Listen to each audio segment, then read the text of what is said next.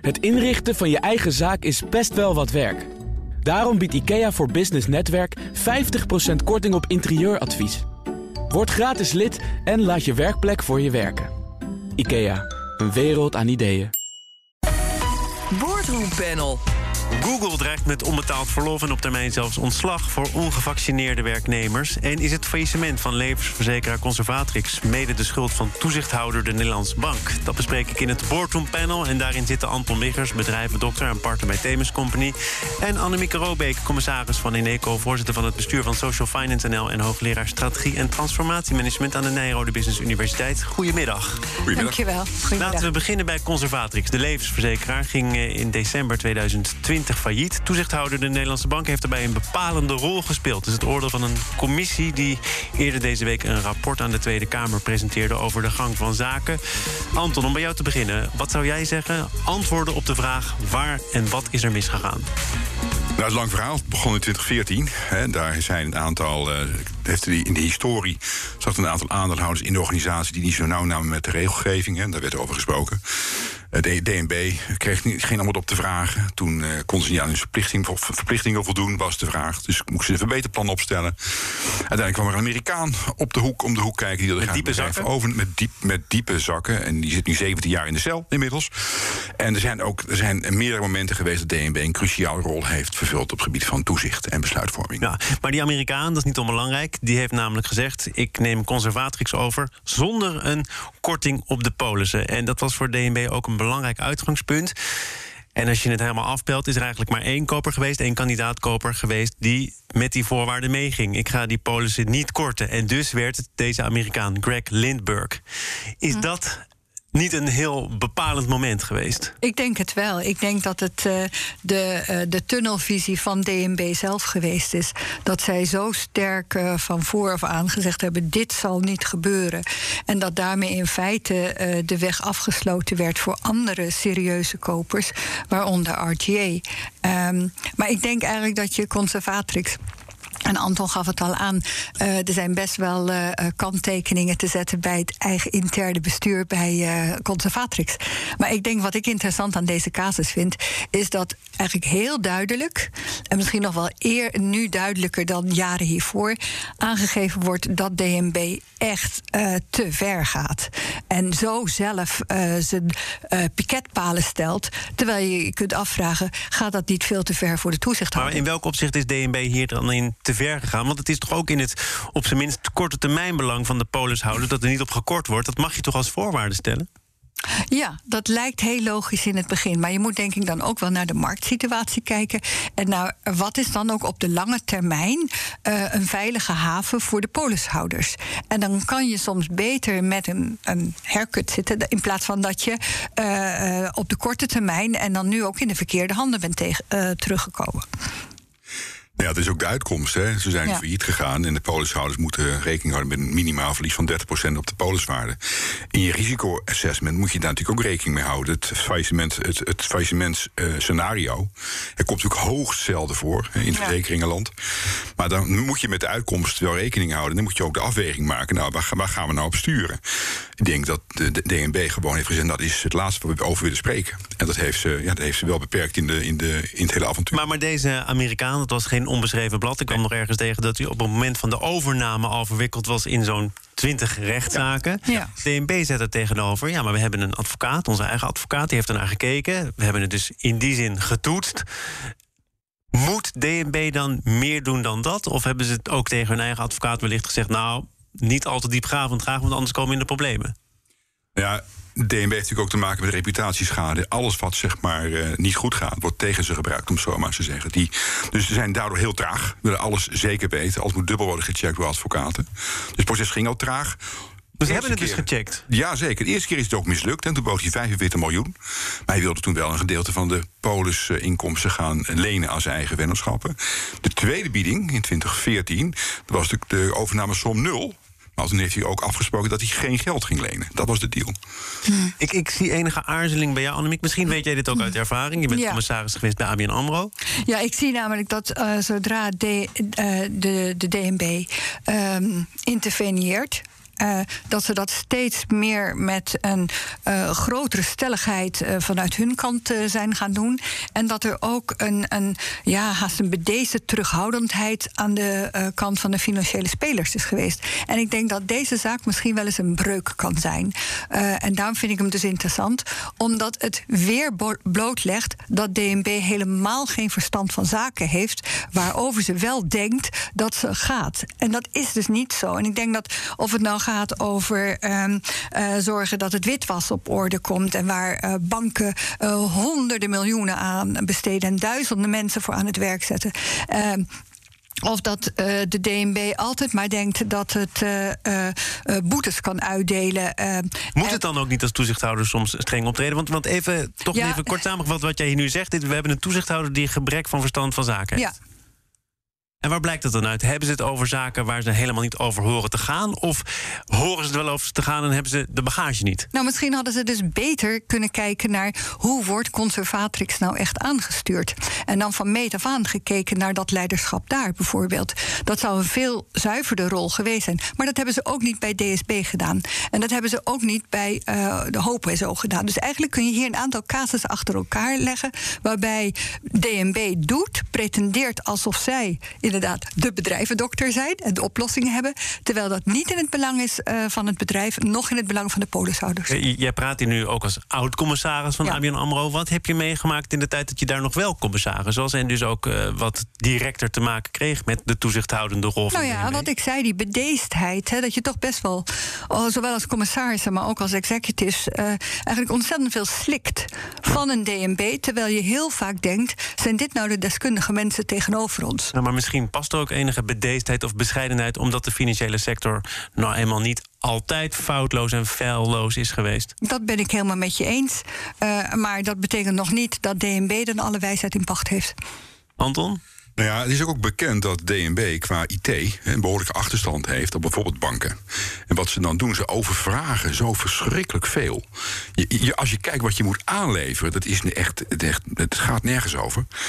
En uh, dat betekent ook dat je, als je zoveel informatie en data opvraagt, is het maar de vraag of je de goede conclusies kunt trekken. En uh, ik denk dat, dat, uh, dat het innovatiekracht van DNB ook, zeg maar, zeker ook hier, hierin moet worden geanalyseerd. Omdat. Ehm, ja, de DNB heeft altijd gelijk, hè? daar komt het eigenlijk een beetje op neer. En ja. een weerwoord tegen DNB is gewoon heel lastig te organiseren. Dat is eigenlijk zelfmoord.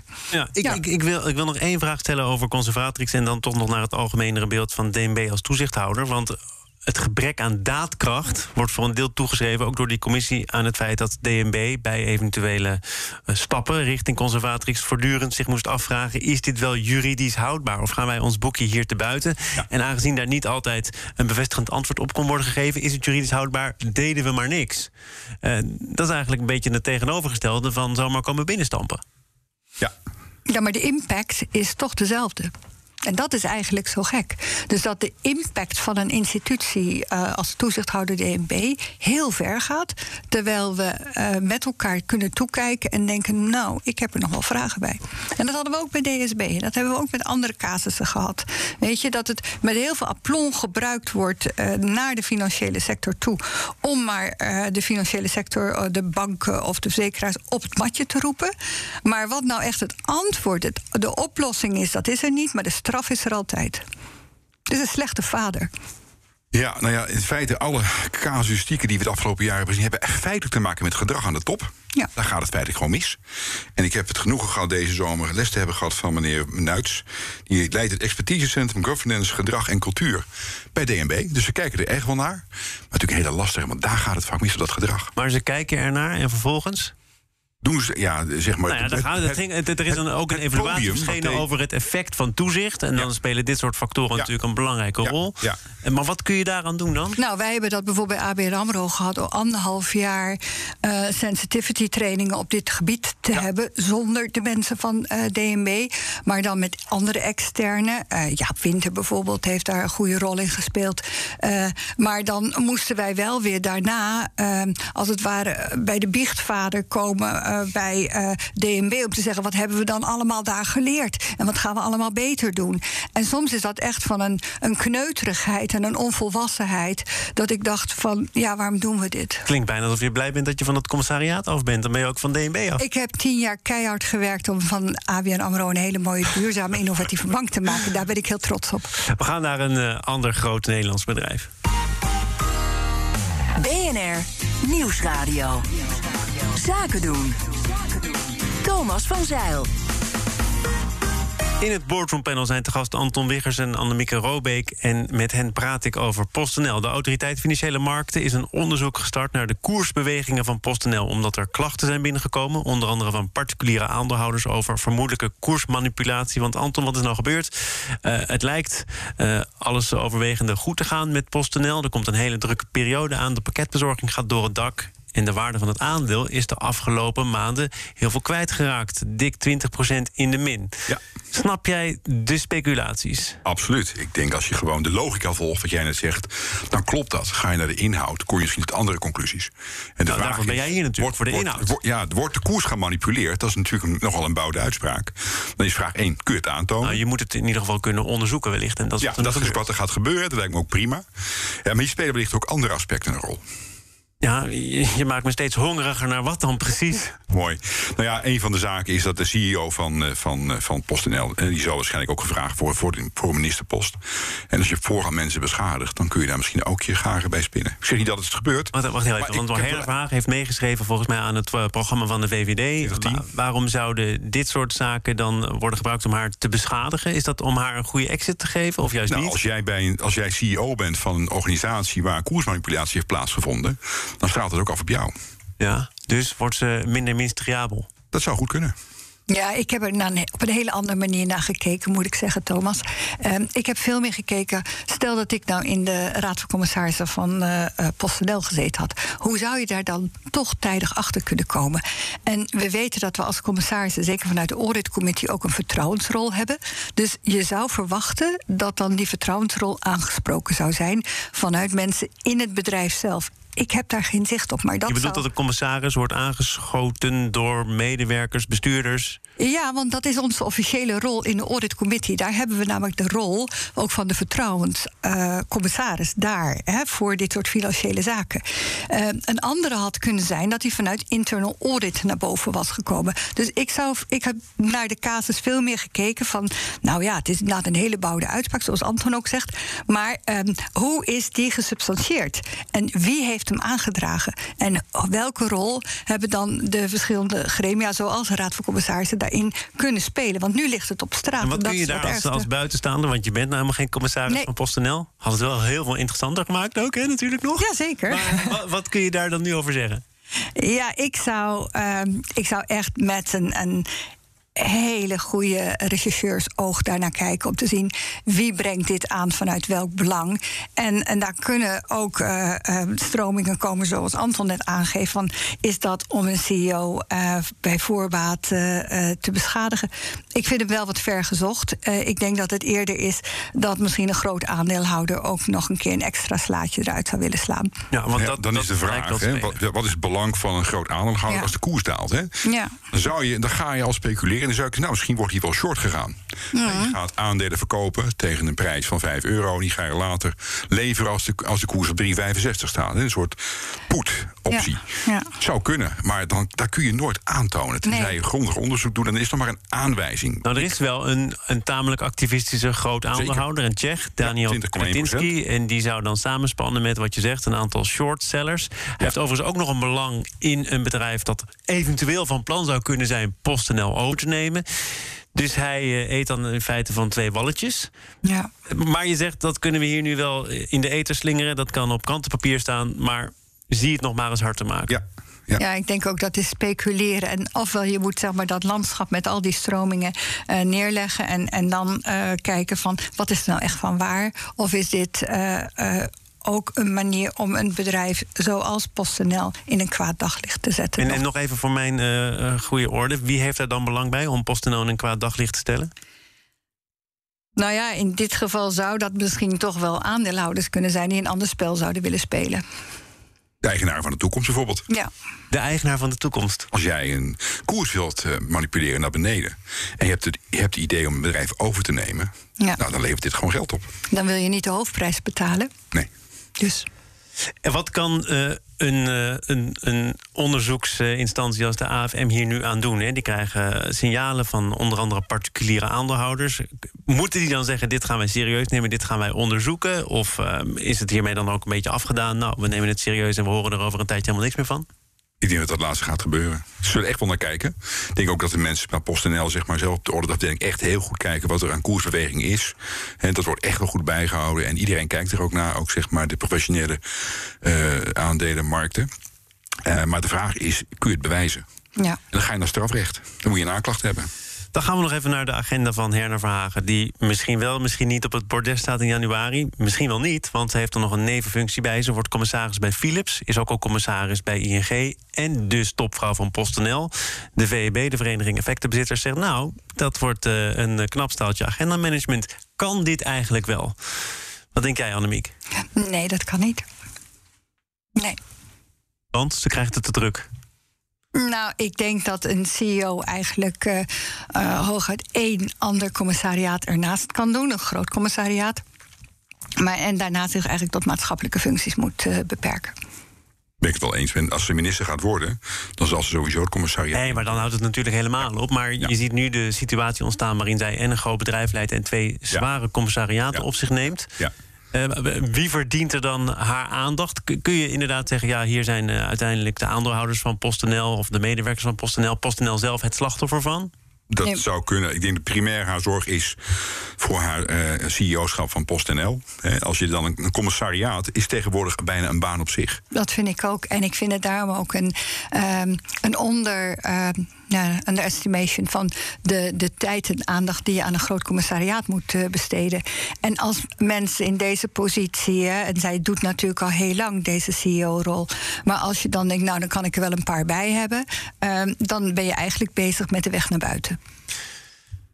We houden het in de gaten, welke weg dat dan zal zijn. We sluiten af bij Google. Dat dreigt werknemers die zich niet laten vaccineren tegen het coronavirus met onbetaald verlof te sturen. En dat kan uiteindelijk ook leiden tot ontslag. Want Google is een bedrijf dat zaken doet met de Amerikaanse overheid. En Joe Biden heeft vrij streng gezegd: luister eens, als je met ons zaken doet, dan hoort erbij dat je je medewerkers laat vaccineren.